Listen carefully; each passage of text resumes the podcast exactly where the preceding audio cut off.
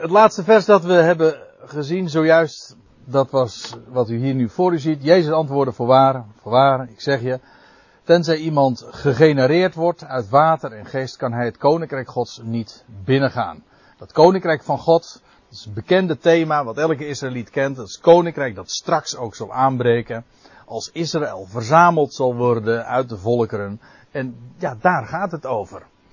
En dat, dan zal God zelf water en geest op hen toepassen, waardoor ze dat koninkrijk ook zullen zien en binnengaan. Ik geloof niet dat het echt uh, heel zinvol is om nou zo'n groot verschil te maken tussen zien en binnengaan. Tenminste, tot dusver heb ik dat uh, niet kunnen zien. Nog niet. Nog niet, nee. En uh, mocht het wel zo zijn, dan, dan meld ik dat TZT. Of, of, of u meldt mij dat. Ja. Maar wij gaan nu naar vers 6, vers 6 toe. Daar zegt de Heer, want hij, uh, hij zet dat dan voort. Hij zegt een, een, een, een nogal logische statement. Wat uit vlees geboren is, is vlees. Nou, dat hoeft nauwelijks uh, toelichting lijkt mij. Een mens brengt nu eenmaal een mens voort. En uh, ook alles wat des mensen is. Er zijn nogal wat plaatsen in het Oude Testament die soortgelijke dingen zeggen van ja, dat een mens nu eenmaal een sterveling weer voortbrengt. Dat, is, dat, is, dat zit in de genen. En wat uit vlees geboren is, is vlees. En wat uit geest, uit, uh, vanuit de geest gegenereerd is, verwekt zijnde, dat is geest. Dus het ene loopt parallel met het andere. En nou brengt me dat bij nog een andere passage. En het is nog recentelijk dat ik daar al, uh, dat ik daar ook al over nagedacht heb en ook over gesproken heb. Dat was een bijbelstudie destijds, uh, vorige week zondag in, uh, in Rotterdam. Toen had ik het ook over een, een tekst uit Johannes 7 over stromen van levend water. En dan, dan zegt de Heer daar ook iets over. Over waar die het dan over heeft. Ja, over de geest. Maar eerst even deze tekst. Wat uit vlees geboren is, is vlees. En daarmee ook zondig en daarmee ook sterfelijk. En wat uit de geest geboren is, is geest. Nou, in Johannes 6, vers 63, dat is trouwens dat hoofdstuk waar ik al eerder even aan refereerde toen ik had over dat, die, die lange toespraak die de Heer dan hield. Uh, naar aanleiding van dat brood dat uit, uh, dat vermenigvuldigd was en dat sprak van hemzelf. Nou, en dan zegt hij, de geest is het die levend maakt, vlees doet geen nut, hier ook weer die tegenstelling hè. Geest staat tegenover vlees. Dat is trouwens een woordpaar en een contrast dat we heel vaak tegenkomen. De werken van het vlees, de werken van de geest. Of nee, niet, pardon. De werken van vlees, de vrucht van de geest. Heel uh, betekenisvol verschil. Maar goed, de geest is het die levend maakt. Ja, omdat geest nu eenmaal altijd verband houdt met leven. De geest is het die levend maakt. Vlees doet geen nut. Waar, en als daar staat het vlees doet geen nut, dan moet je dat ook zien in het licht van die voorgaande uitspraak. Namelijk als het gaat om dood en leven. Ik bedoel, het vlees heeft, heeft uh, tot uh, bepaalde hoogte, gewoon hier in deze wereld, naar aardse maatstaven, nut. Je kunt er, een mens kan van alles tot stand brengen. Maar als het gaat om de dood, ja, dan doet het vlees helemaal niks. Daar staat de mens bij stil. Het is de geest, dat wil zeggen God, van boven dus. Daar ben je van afhankelijk, want alleen Hij is het die werkelijk levend maakt. De geest is het die levend maakt, het vlees doet geen nut. En dan zegt de Heer er trouwens nog iets bij, ter toelichting over wat die geest dan wel is. De woorden die ik tot u gesproken heb, die, die zijn geest. En zijn leven. Maar daarmee zie je dus meteen ook dat geest en leven dus aan elkaar gekoppeld zijn. Ge zijn geestelijk leven. En geest maakt levend. Het is, geest is leven, maar geest, de geest waar het hier over gaat, maakt ook levend. En van de laatste Adam, daar lezen we van in 1 Korinthe 15, vers 45. Hij, de, de, de eerste Adam was een levende ziel, maar de laatste Adam een levendmakende geest.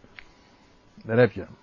En dan zie je trouwens meteen ook, en dat lijkt mij wel heel aardig ook in dit verband, dat dit verwijst dus ook weer naar opstanding. Kan niet missen. De Heer in het hele Johannes Evangelie wijst al vooruit naar wat zou gaan komen. En wat realiteit zou worden vanaf de dag dat die steen werd weggewenteld en dat hij leven aan het licht bracht. Ja, en nou ben ik bij dat gedeelte waar ik zojuist even over had. Johannes 7, wie in mij gelooft, zegt de Heer dan, gelijk de, schrift, gelijk de schrift zegt, stromen van levend water zullen uit zijn binnenste vloeien. Het is trouwens niet Ezekiel 36, maar Ezekiel 47. Over die stroom, die, die waterstroom uit de tempel. Dus ook, een, ook weer dus direct uh, refereren aan wat de profeten al hebben gesproken. En dan zegt de Heer erbij, nee, pardon, dat, dat, nou zeg ik het verkeerd. Het is Johannes die als commentaar later geeft op wat de Heer Jezus toen bij die gelegenheid gezegd heeft, gezondheid. Dit zeide hij, zegt Johannes dus, van de geest, welke zij die tot geloof in hem kwamen, dus die hem ontvingen, die recht kregen om kinderen gods te worden, welke zij die tot geloof in hem kwamen, ontvangen zouden. Wanneer? Wel, want de geest was er nog niet, die levendmakende geest, omdat Jezus nog niet verheerlijkt was. En dat begint op de dag dat hij opstaat. Juist in het Johannes-evangelie zie je die connectie ook heel sterk. Want de dag van zijn opstanding is tevens ook de dag van zijn hemelvaart. En trouwens ook nog eens de dag van Pinksteren. Haha, als Pasen op Pinksteren op één dag vallen. Ja. Dezelfde dag dat de Heer opstond, zegt hij ook van ik ben nog niet opgevaren naar mijn vader. Hè, want hij mocht niet aangeraakt worden. Maar het is ook de dag dat hij op de discipelen blaast. En hij zegt ontvang mijn geest. Heilige geest. Dat is die dag, de dag van de opstanding. Toen, toen kregen ze de geest. Ontvang mij, dat was op de dag van de opstanding. Toen ontvingen ze geest, levendmakende geest, zijn woord, maar dat, ja, dat werd realiteit. Toen, juist op die dag dat hij verrees en de levendmakende geest werd. De laatste Adam. Dus ja, die, dat zijn schitterende connecties. Je wordt daarbij bepaald bij de waarheid van de opstanding, van de eersteling. En daarmee van ook ja, wat daarop zou volgen. Maar om niet helemaal eh, ook eh, te verdwalen in al die andere connecties. Gaan we weer eventjes uh, terug naar Johannes 3. En dan zegt de Heer dan vervolgens, nadat hij gezegd heeft wat het vlees geboren is, of wat uit vlees voortkomt, dat is vlees. Wat uit geest voortkomt, is geest. Verwonder je niet, zegt hij. Dat ik u, verwonder je niet dat ik u gezegd heb, gij lieden, let op, dat is meervat. Hier wordt niet, dus niet alleen maar meer gesproken tot, is, tot Nicodemus, maar feitelijk tegen het hele volk. Jullie, gij lieden, jullie moeten, moeten, ja, dat is dat Griekse woord, vind, vind ik prachtig. Ik weet dat het, uh, hoe zeggen ze dat? Het, idiomatisch uh, kan je dat niet zo altijd zo zeggen. Maar letterlijk staat daar een woord dat betekent het is bindend. Jullie moeten. Dat wil zeggen, er is geen andere wijze dan via dit traject. Sorry? Geen escape. No escape, ja.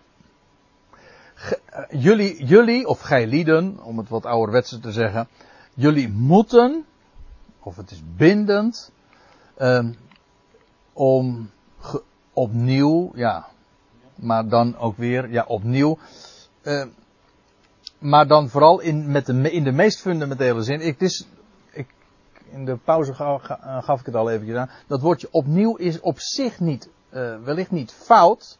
Maar de meest primaire betekenis, dat is op zich onomstreden wat ik nu zeg, dat is van bovenaf. En ik heb u ook een heel aantal voorbeelden laten zien waarbij dat ook gewoon onmiskenbaar de gedachte is. En hier uh, kan het ook niet missen, want het gaat over een geboorte van God uit. Van bovenaf dus. Dus die betekenis houden we vast. Het is binden dat jullie gegenereerd worden, voortgebracht worden uit of van bovenaf. En dan zegt de Heer dit. De wind, dat is een bekend, uh, bekende beeldspraak die nu volgt. De wind die blaast waarheen, heen, waarheen hij wil. Ja, daar valt uh, weinig pijl op te trekken. KNMI doet moeite daarvoor natuurlijk om dat wel, daar wel een pijl op te trekken. Maar dat gaat zomaar. Daar, daar heb je geen grip op. Maar dan even dit woord. De wind. Ja, er wordt hier weergegeven de windstoot. Maar er staat gewoon in het Grieks pneuma. Exact hetzelfde woord als wat we nu al een paar keer tegengekomen, tegengekomen zijn. En dan werd het vertaald met geest. Maar pneuma, ja, dat heeft een, een hele brede betekenis. Dat vergelijkbaar is met het Hebreeuwse woord voor, uh, voor geest, wind. Dat is ruach. Het Hebreeuws spreekt, eh, spreekt men van ruach, maar ook ruach heeft die betekenis van, van geest, van wind, van adem. In 2 Thessalonica 2, dan lees je over dat straks, als de Heer zal verschijnen, dan lees je dat hij de wetteloze zal doden door de adem zijns monds. En dan staat er weer dat woordje pneuma. Dus het woord, dat woordje pneuma wordt weergegeven met geest, met wind, met adem. En ook gewoon met geesten. Dat is allemaal pneuma. Dus pneuma, is eigenlijk een, ja, ik zou haar zeggen, een containerbegrip. Het, het vertegenwoordigt een heleboel. En het zegt vooral iets over ons, over ons handicap. Namelijk, eh, wat is, wat is karakteristiek voor al deze begrippen? Nou, dat, dat is dat je het niet kan zien. Je kan het niet zien. Of het nou over wind gaat, de effecten ervan kun je zien. Oké, tot je dienst. Maar wind zelf kun je niet zien. Adem kun je niet zien.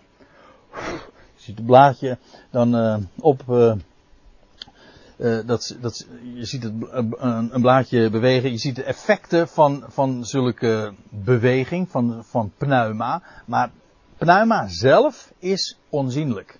Dat is wat pneuma is. En feitelijk zeg, zeg je daarmee dus eigenlijk niet zozeer over wat het is, maar over wat wij, over ons onvermogen, eh, namelijk dat wij het niet kunnen zien. Het is onzienlijk. Dat is, dat is pneuma. En de wind die blaast waarheen hij wil. En ja, dan, wordt hier natuurlijk, omdat er hier gesproken over blazen en waarheen hij wil en gehoord zijn geluid. Dus de context maakt duidelijk dat het hier over, over de, de wind gaat. Maar denk er even aan, hier staat gewoon het woordje pneuma. Exact hetzelfde woord als wat de Heer nu al, al een aantal keer had gebezigd. Dus gewoon hetzelfde woord als wat hij ook in vers 6 zei. Wat uit geest uit pneuma geboren is, is pneuma. En nu de pneuma blaast waarheen hij wil. Dus het is geen nieuw thema of zo wat hij aansnijdt. Nee, het is gewoon hetzelfde woord. Hetzelfde begrip.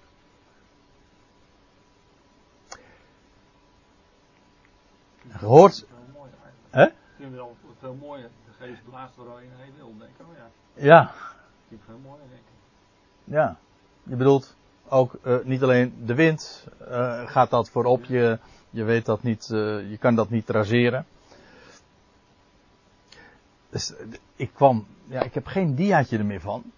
Maar ik kwam juist, uh, dat was uh, vanavond, toen had ik die presentatie al klaar en ik wilde dat niet meer, niet nog bewerken.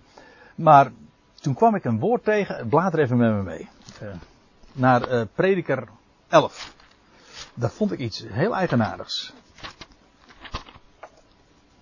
Prediker 11.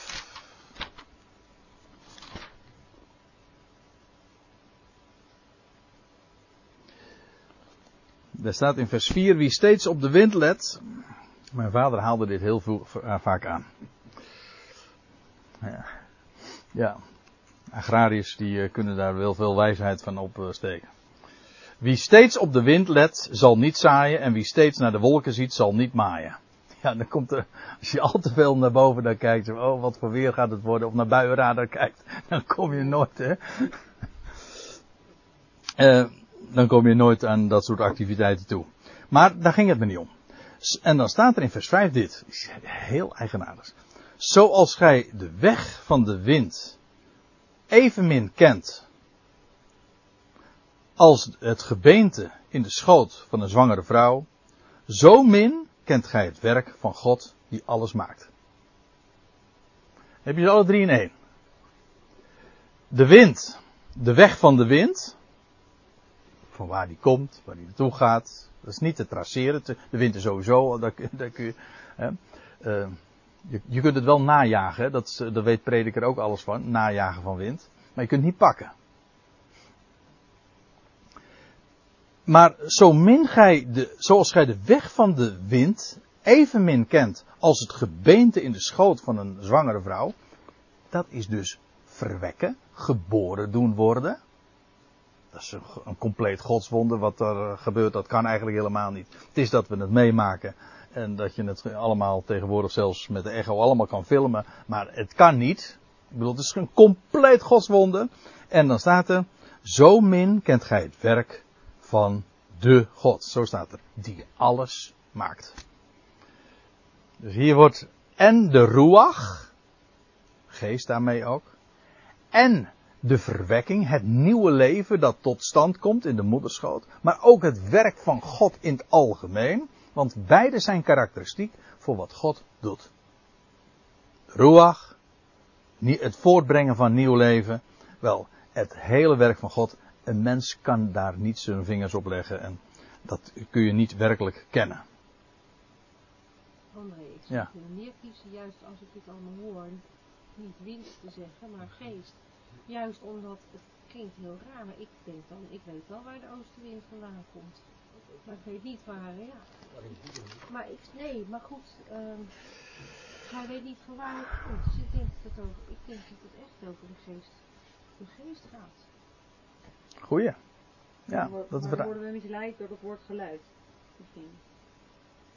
Waarom zou er dan van de geest Ja, precies. geluid gesproken worden? Maar Ja, misschien het woord. Dat Ja. hoor je niet. Maar, ja, we- maar weet je, eh, maar hoe dan ook, nee, maar het woord zelf, in het pneuma, heeft ook gewoon in het Grieks de betekenis van wind. En van adem. Dus, ja, als je het hele, als je, eh, dit is dus niet concordant weergeven, maar goed, dat, ja, dat is de ellende dus. eh. Van dat stukje wat je net ook las, dat, denk ik van, mag het er blijven staan, dat gaat niet, maar als het altijd betekent, zou ik kiezen, Ja, nee, ik vind, ik, daar is heel veel voor te zeggen. En, eh, ik, eh, ik ben erg van eh, de, de concurrentie, eh, laat die de bepalen wat de betekenis is. En dan moet je gewoon zeggen van, hier staat net zoals in vers 6 en de voorgaande versen, pneuma. Dus dan zeggen we eventjes niet, op het moment dat je wint of adem, dan ben je aan het invullen. Ja. Nou ja, dan vullen we het niet in en dan zeggen we gewoon pneuma. De pneuma blaast waarheen hij wil. Hm? Pneuma blaast waarheen hij wil. Je hoort zijn geluid. Ik ben wel een klein beetje, terwijl ik het zeg met, eh, met, eh, en met, eh, ja Daniel, sorry. Eens, eh, dat je nu, eh, dat associeer je heel sterk met de, de, de wind, dat wel. Maar pneuma is niet te zien, wel te horen. En, maar ja, dan kom je inderdaad weer, wat jij zegt, want dat geldt dus ook in ieder geval van de geest. Oké, de wind, die zie je niet. Je ziet wel de effecten, maar je hoort wel het geluid. Maar in elk geval is dat ook van de pnuimen, van Gods geest het geval. Want Gods geest kun je niet zien, maar hij laat wel van zich horen. Pneuma blaast waarheen hij wil, je hoort zijn geluid. Eh, in elk geval, eh, ja, daarmee denk je, de, de geest, de pneuma doet van zich horen. Nou, dat moet toch duidelijke taal zijn. De pneuma doet van zich horen. Pneuma aan zich kan je niet zien. Het kan zich manifesteren eh, op een, maar dan is het geen pneuma meer. Je hoort zijn geluid, nou ja, dat lijkt mij duidelijk. En dan krijgen we nog iets wat de Heer aan toevoegt. Maar je weet niet, staat er dan, van waar hij komt. of waar hij heen gaat. Dat gaat dus over die pneuma. En dan, en nou, nou wordt de vergelijking afgemaakt. Zo is een ieder. Zo is elk een. Die gegenereerd is vanuit de geest. Zo staat het er. Er wordt hier dus niet eens gesproken, zo is de geest. Maar zo is een ieder die vanuit de geest gegenereerd is. Maar waarom zou de Heer zo'n vergelijking maken? Ik begrijp dat niet. In, in de context gaat hij zeggen, eh, de wind blaast of de geest blaast waarin hij wil. Zo is een ieder. Wat zegt dat, wat zegt dat over, over degene die is wedergeboren? Of over mij nu? Of over de Joden straks? Dat, dat... Ja, ik begrijp dat niet. Ja, klinkt Hmm. een beetje stom, maar... Nou, die, nou ja, dat, dat is nog weer een andere vraag. Wat ik, wat ik eraan heb. De eerste vraag is nu. eh, wat, goh, wat, wat, hier, ja, nou, wat hij in ieder geval uitdrukt is, is onderwijs over die pneuma en over en hoe hij brengt het contrast aan met het vlees. Dit gaat over wat God doet. En dat is volstrekt eh, buiten de sfeer van het vlees, van de mens. En, en die, die die, die doet dat op zijn wijze. En dat geldt ook voor dat wat hij voortbrengt. Dus wat, uit, wat vanuit de geest gegenereerd is, Waaraan herken je dat? Aan, aan het geluid. Je ziet het niet, maar het doet wel van zich horen. En daarmee wordt het dus feitelijk weer vergewezen op dat woord. Die connectie met dat woord. Geest zelf, want kijk, daarvan kun je natuurlijk zeggen, ja, de pneuma, ik krijg me, dat klinkt ook een beetje door in de vraag die jij nou stelt, van ja, goh, wat kan ik ermee? Want eh, daar, kan, daar kan je je vingers niet eh, met recht op krijgen. Nee, dat is ook zo, maar dat is, daar is pneuma voor. Maar je hoort, het, het, is, het is God die inderdaad daarin werkt. Vlees niet, die, het is die pneuma die leven geeft en leven maakt. En het doet van zich horen. En zo is ook een ieder die vanuit de geest gegenereerd is. Stromen van levend water zullen uit zijn binnenste stromen, ja. Dat is het. Hè? En bedankt. Dat is het toch? Ja. Dat is wat die, die, wat dat, wat die geest produceert. Ja, eh, dat is van Gods wegen. Het is pneuma en daar heeft de mens dus eh, niks over te zeggen. Dat is vlees. Maar hij, die geest is zo krachtig. Die, die blaast, die heeft zo'n effect, zo'n vermogen dat hij dat doet. Het laat van zich horen. Ja, nou, je, we zien trouwens wel, terwijl we zo eventjes een paar versen met elkaar eh, aan het eh, bespreken zijn en we elk bij elk zinsdeel eh, stilstaan, dat er in zo'n kort gesprek, zo'n korte conversatie die de Heer dan voerde met Nicodemus, dat daar toch gigantisch veel aan het licht komt en eh, ook heel cryptisch dingen worden naar, naar voren worden gebracht. En ook Nicodemus, eh, die, die, die reageert er ook op die manier op. Nico- Nicodemus antwoordde en zei tot hem, hoe kan dit geschieden? Maar nou, voordat we het nou voor hem gaan opnemen,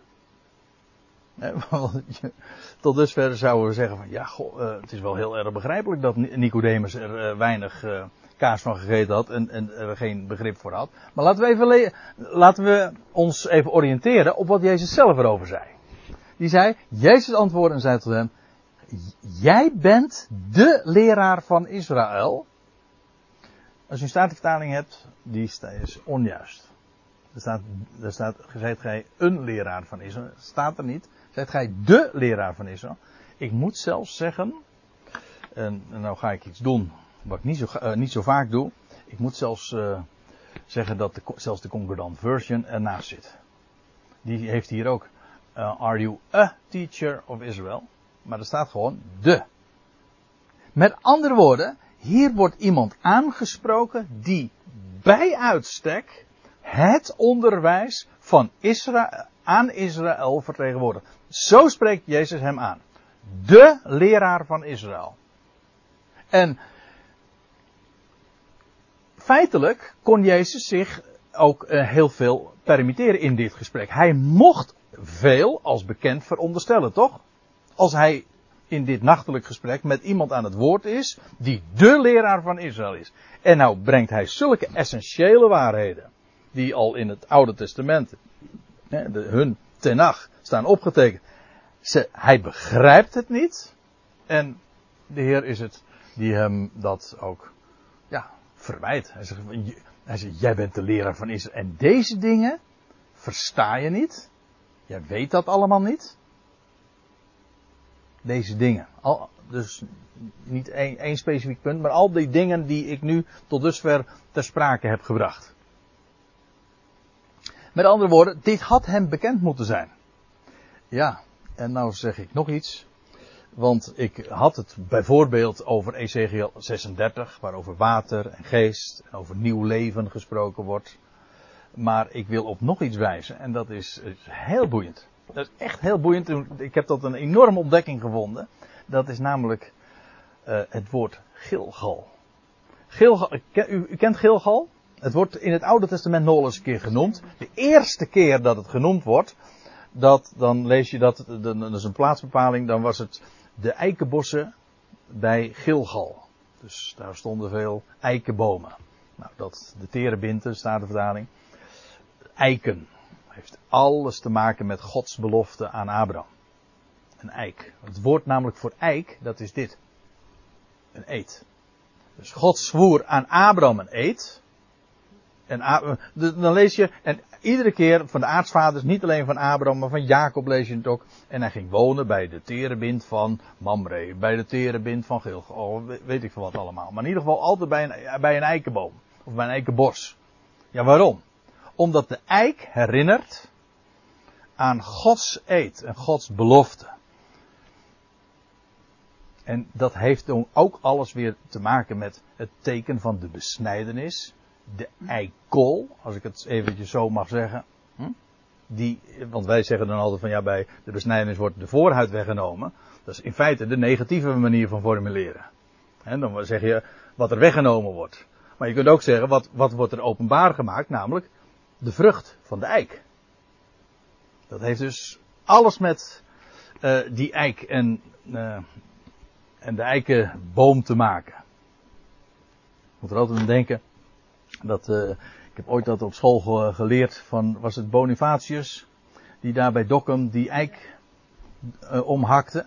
Want daar, dat was kennelijk een, daar, daar werd, uh, werden goddelijke krachten aan de eik toegekend. Dus dat, die gedachte zelf, ja, natuurlijk de mens die, die corrumpeert dat, maar de gedachte zelf dat een eik een, een goddelijke betekenis heeft, die is al dus heel oud en zelfs in het heidendom bekend. Maar goed, uh, ik, ik heb het over Gilgal. Want ik, ik wil even mijn punt maken. Wat weten we nog meer van Gilgal? Daar is het vooral bekend om. Gilgal werd bekend doordat Israël toen ze door de Jordaan gingen. Op de derde dag trouwens. Ja, ja.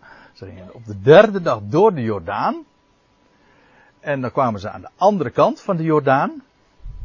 Jordaan lijkt mij duidelijk. Het is een beeld van de dood. En als je door de Jordaan gaat, dat is een beeld van opstanding. Van dood en opstanding. Johannes de Doper, die in de, in de Jordaan doopte, dood en opstanding. Altijd weer. Of een bijl die, die zonk in de Jordaan, dood, maar er weer gevonden werd. Dood en opstanding. Komen ze aan de andere kant van de Jordaan, en wat gebeurt er? Het volk wordt daar besneden. Want gedurende de hele woestijnreis was het volk niet besneden. En dan komen ze, in dan komen ze aan de andere kant van de Jordaan, dus uit, in, in het beloofde land. En het eerste wat er gebeurt, dat is dat het volk besneden wordt. Al, alle mannen worden daar besneden. En dat gebeurde op de tiende van de eerste maand. Nou ja, daar ga ik nu niet op in. Maar die plaats, daar werd, staat er dan in Jozua 5, de smaad van Egypte afgewenteld. En wentelen, dat is precies de betekenis van Gilgal. Gilgal. Afge, afwentelen. omwentelen. Eh, gewoon, het idee is, uh, ja, wentelen dus. Besnijderis. Het oude wordt weggedaan. Er wordt iets nieuws onthuld. De belofte van God. Gods eed. Maar ook net waren ze door de Jordaan gegaan. Nieuw leven. Nou, en daar dan dat betekenis. Uh, die betekenis van de besnijdenis. Maar ook dit. Die plaats ging heten Gilgal. En nou vond ik dit. Ik heb uh, ooit uh, modern Hebreeuws geleerd. Een jaar of wat. Dat is al heel veel jaren geleden. Dat was ergens eind jaren zeventig. Maar dat was erg interessant. En ik, dit woordenboek heb ik er aan overgehouden van Yitzhak Pimentel. En uh, daar vind je bij Gilgal dit. hier staat ook. Het zijn dezelfde letters. Gilgal. Gilgal. Dat is rollen. Of draaien. Vandaar dus wentelen heb je ook nog het woordje Gilgal of uh, Galgal. Die zijn allemaal plaatjes uit het woordenboek dus. En dat is een wiel of een rad. En vandaar ook de betekenis van een dierenriem.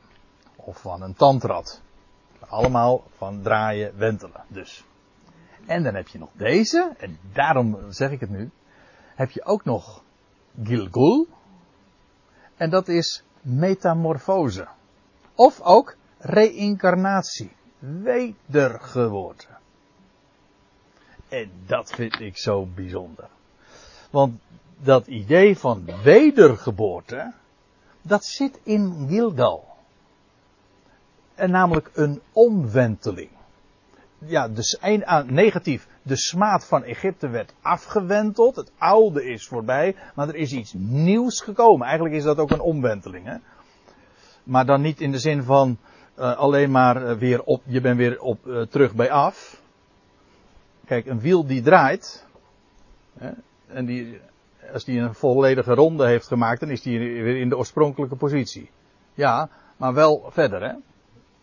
Dat is het idee van rijden, van een wiel, toch? Nou. Kijk, en daar moet je aan denken bij dat woordje Gilgal. Dat is dus een omwenteling. Maar die gedachte van de metamorfose of een wedergeboorte, of daarmee ook weer die, die heidense afleiding of versie daarvan, namelijk reïncarnatie. Dus zelfs het woord Gilgal verwijst dus echt inderdaad naar wedergeboorte. Of van bovenaf geboren worden, of het ontvangen van nieuw leven, de weg door de Jordaan, oftewel besnijdenis. Het heeft alles te maken met dood en opstanding heb ik er nog eentje, 1 Petrus 1. Daar staat, uh, gelooft, daar zegt Petrus dit. Gelooft zij de God en Vader van onze Heer Jezus Christus, die ons, naar zijn grote barmhartigheid, door de opstanding van Jezus Christus uit de doden, heeft doen wedergeboren worden. Hier wordt niet het anotem gebruikt, maar goed. Wel dat gegenereerd worden, wedergegenereerd worden tot een levende hoop. En hier zie je ook direct die connectie tussen opstanding en wedergeboorte. En nieuw leven. Wedergeboorte, de essentie daarvan is, je ontvangt een nieuw leven. En natuurlijk heeft dat in verband met Israël en de eindtijd een hele specifieke profetische betekenis waar Nicodemus van moest weten. Maar de waarheid zelf van het ontvangen van nieuw leven, ja, is veel wijdser nog. Het heeft te maken met opstanding. Het, inderdaad, uh, het verwijst naar de eersteling. Degene die als eerste nieuw leven aan het licht bracht. Ja. Nou aarzel ik eventjes maar als ik kijk naar mijn klokje, dan aarzel ik niet meer, want dan denk ik dat we het hier echt toch bij moeten laten. Uh, want eigenlijk begint hier vanaf vers 11 weer even een nieuw gedeelte in de conversatie tussen Jezus en, en Nicodemus. Dus ik denk dat we er verstandig aan doen om het nu even hierbij te laten. Bij deze tien versen. Het was niet het makkelijkste gedeelte. Hm? Waar we het zo uh, over gehad hebben. Maar ik denk dat we toch weer wat eh, wijzer geworden zijn. En ik vind het, uh, ja, wat je allemaal op het spoor komt. En vooral die verwijzingen dan naar de, de Hebreeuwse Bijbel en hoe daar al getuigenis wordt afgelegd van, van, van de opstanding van Christus en het nieuwe leven en de weg door de doodsjordaan, et cetera. Ja, ik vind het geweldig. Ik stel voor dat we daar de volgende keer uh, weer verder mee zullen gaan. Trouwens, dit is nog het, is het allerlaatste. Uh, dat thema van die wedergeboorte, of beter, die, dat gebo van bovenaf geboren worden, dat hebben we nu uh, trouwens afgerond. En dat is, dat komt dan mooi uit. Want vanaf hier begint er een, een ander thema. Dat aangesneden wordt. Al dringende vragen? Ik vroeg me eigenlijk af of Paulus het ooit ook echt over wedergeboorte heeft. Dat is leuk dat je dat nou zo zegt. Maar aan, afgelopen zondag uh, heb ik uh, in Soetermeer gesproken over. Uh, daar, was, jij niet. Nou ja, in ieder geval. Daar, toen heb ik het gehad over Titus 3. En daar spreekt Paulus over dat hij ons spreekt over de vernieuwing van Heilige Geest en het bad van wedergeboorte niet exact hetzelfde woord. Daar wordt gebruikt niet het woordje anoten, maar het woordje palin. En dat is dus echt wedergeboorte. Renaissance gebruikte ik toen ook. Dat betekent ook wedergeboorte. Dus Paulus spreekt ook over wedergeboorte. Komt het omdat dit uh, uh, van en door en naar een Jood is? Je bedoelt dat wedergeboorte een, een specifiek Joods begrip zou zijn? Of? In deze context.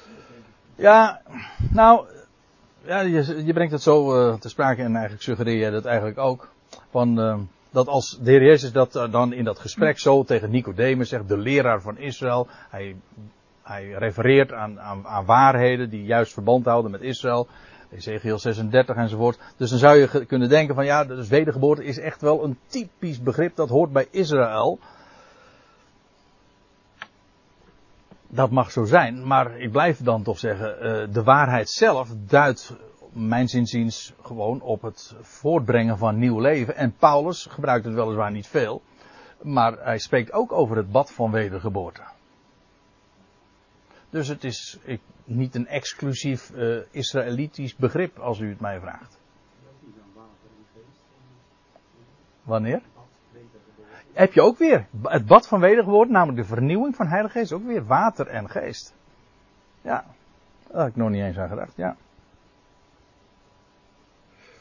Maar ik weet, uh, ik heb uh, een boekje van uh, Martin Zender ooit gelezen en die zei van nee, dat wedergeboorte, wat de Heer in, tegen Nicodemus zegt, dat is typisch, dat heeft te maken met Israël. Nou, dat is zeker waar. In Johannes 3 is dat, heeft het heel specifiek natuurlijk te maken met Israël. Maar of het begrip zelf niet veel breder is, namelijk gewoon het ontvangen van nieuw leven, namelijk, en feitelijk is wedergeboorte dan synoniem met opstanding. Nieuw, je ontvangt nieuw leven, namelijk van bovenaf.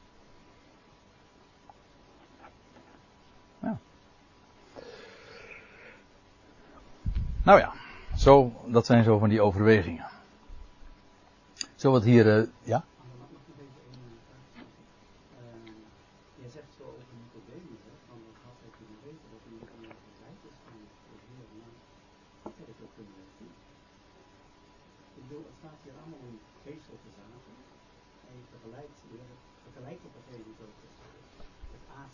Ja, dat gaan we de volgende keer hebben, ja.